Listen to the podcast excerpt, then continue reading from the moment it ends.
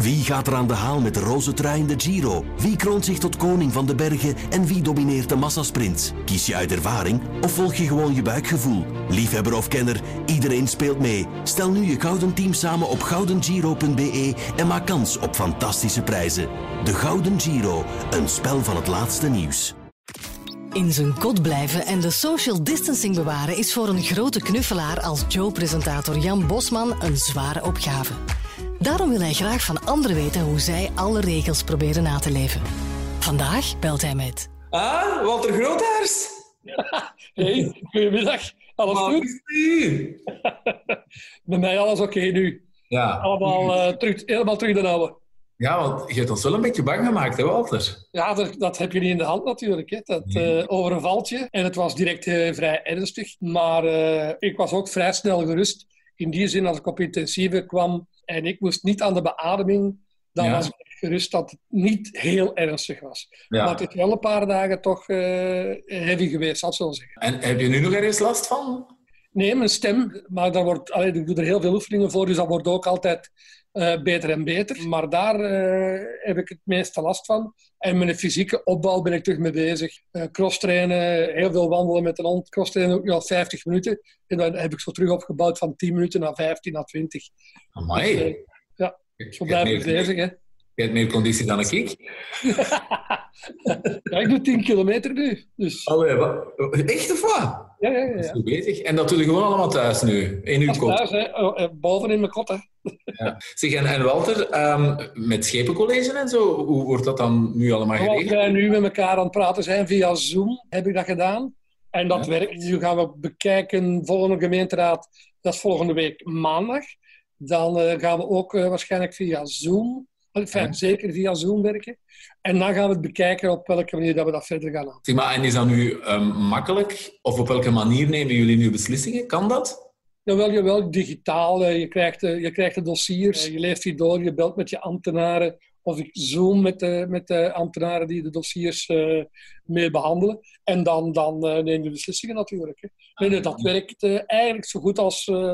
natuurlijk, het is leuker als je tegenover elkaar zit. In, eh, fysiek dan. Maar met scherm werkt dat ook. En heeft Lier al eh, bepaalde coronabeslissingen genomen? Andere dan de regels die we bijvoorbeeld Ja, heel veel. Heel veel. Ja. Er zijn heel veel dingen die de burgemeester houdt zich daar specifiek mee bezig. En dan als het nagelang welk domein het bestrijkt, eh, komt de schepen daarbij. Nu, ik doe ruimtelijke ordening voor het grootste stuk. Allee, omgeving heet dat nu. Maar dat is natuurlijk minder. Hè. Dat, dat blijft gewoon doorgaan als er aanvragen binnenkomen.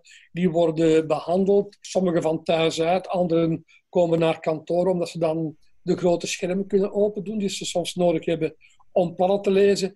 Maar de meeste beslissingen rond corona zitten bij andere schepen en vooral bij de burgemeester. Natuurlijk Ja. volgen wij op en we volgen mee. En dat draait heel goed, heb ik de indruk, in Lier. Zeg, wat vind jij van, de, van, van die controles die er nu zijn? Er zijn heel veel mensen die blijkbaar niet in hun kot kunnen blijven. Ik Daar wordt dat er- niet. Ja.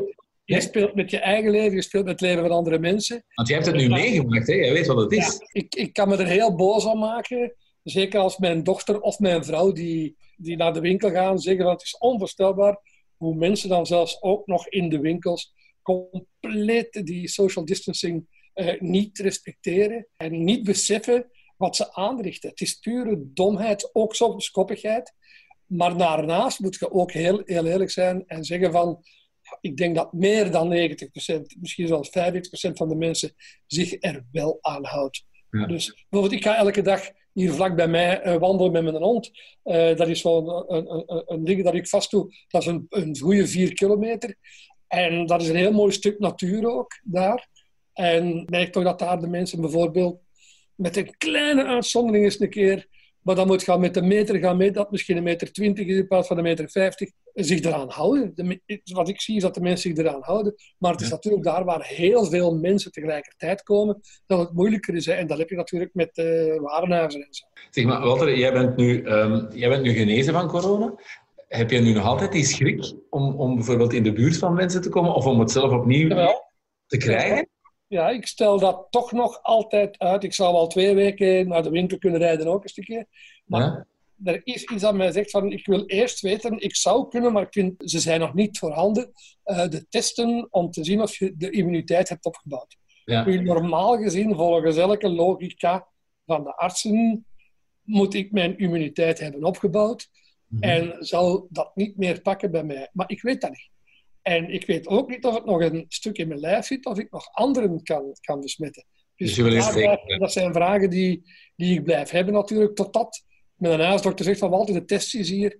En dan kan je de twee dingen tegelijkertijd zien door, eh, door bloedafname. Dus daar wacht je nog op om zeker te zijn? Dan ben ik 100% zeker, ja. Als het ook nog in mijn lijf zit, ik wil ook niemand anders niet besmetten, voor alle duidelijkheid. Maar ik ga nu toch al bijna een goede tien dagen met mijn kinderen om, met mijn vrouw. We zitten terug samen aan tafel te eten. Dus moest ik het nog hebben, dan zouden toch waarschijnlijk mijn kinderen of mijn vrouw het ook hebben. Zeg Walter, er is nu beslist om alle concerten en festivals af te gelasten. Hoe een zware impact heeft dat op de kreuners? Dat heeft een impact in die zin. We hadden uh, gepland vanaf eind april tot uh, ergens half september, denk ik, om uh, festivals te gaan spelen. Alleen maar festivals bijna. En die zijn allemaal gecanceld.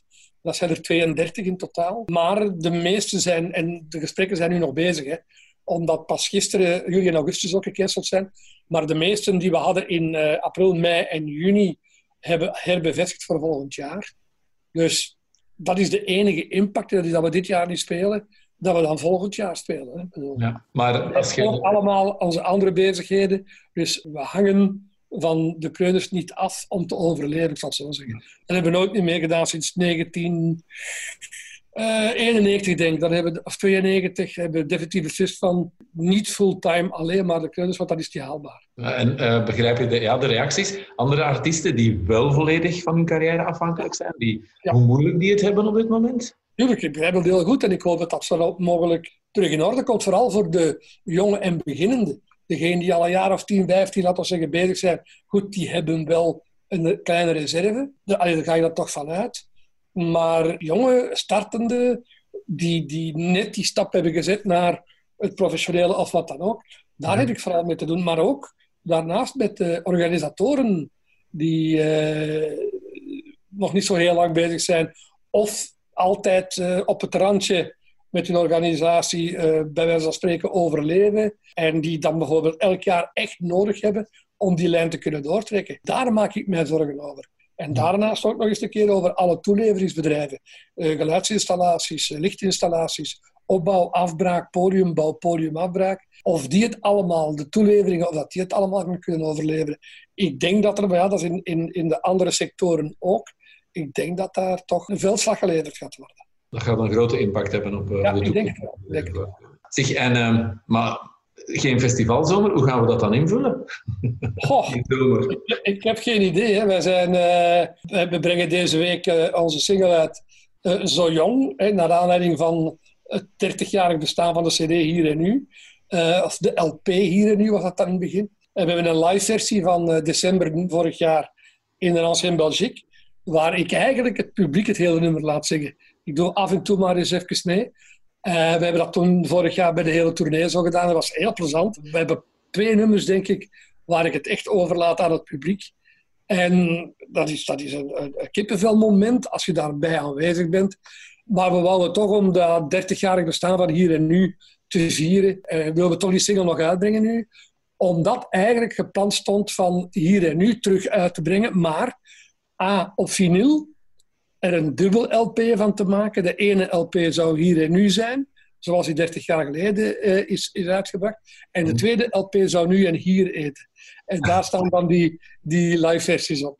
Maar dat is allemaal, door corona wordt dat allemaal opgeschoven en zal dat voor eind augustus zijn. Zeg Walter, um, corona, denk je dat we daar iets positiefs aan gaan overhouden nog nog? Want het is meestal altijd negatieve berichtgeving, maar wat kan er positief Ja, ik hoop van wel. Ik hoop de manier zoals men nu... In, je hoort negatieve dingen, maar het is, ik zeg het, het is, het is, voor heel veel mensen heel positief. De manier van ermee om te gaan, wil ik zeggen. Hè. Dat ze dat op een gedegen manier doen. Ik hoop dat daar qua samenleven, dat daar een, een, een veel van overblijft.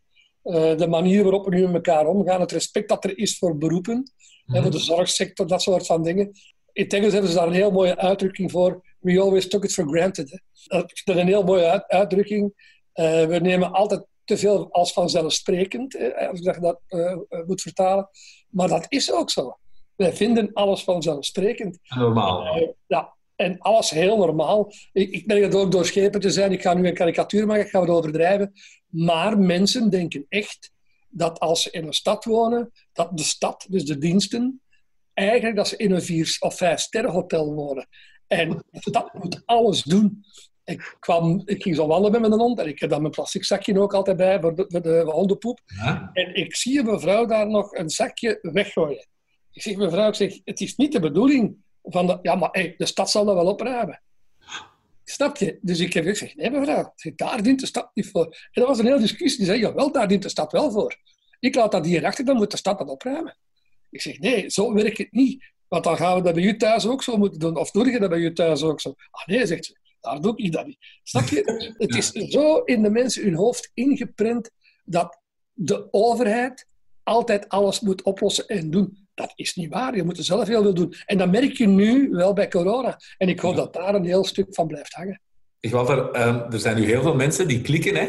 Er wordt ook geklikt. Uh, gaan verraden van, nou, er zijn feestjes bezig of er zitten te veel mensen bij elkaar. Stel je voor dat je nu niet de bekende Walter Grootaars was en je komt die mevrouw tegen. Zou je dan ook gaan klikken? Uh, ik heb haar niet geklikt. Ik heb haar overtuigd om dat zakje mee te nemen. Ze heeft dat ook ja. gedaan.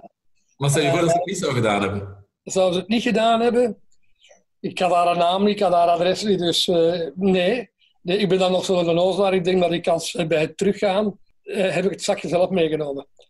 Snap je? Dat, is, ik bedoel, dat zou ik dan doen. Ja. En zo, zo, zo, zou ik dan reageren. Nu heeft zij terug meegepakt, maar ik zou dan denk ik daarna eerst al laten liggen, met een tour doen en bij terug gaan zeggen, ach ja, kom, en je pakt dat mee en gooit dat thuis in de vuilbak.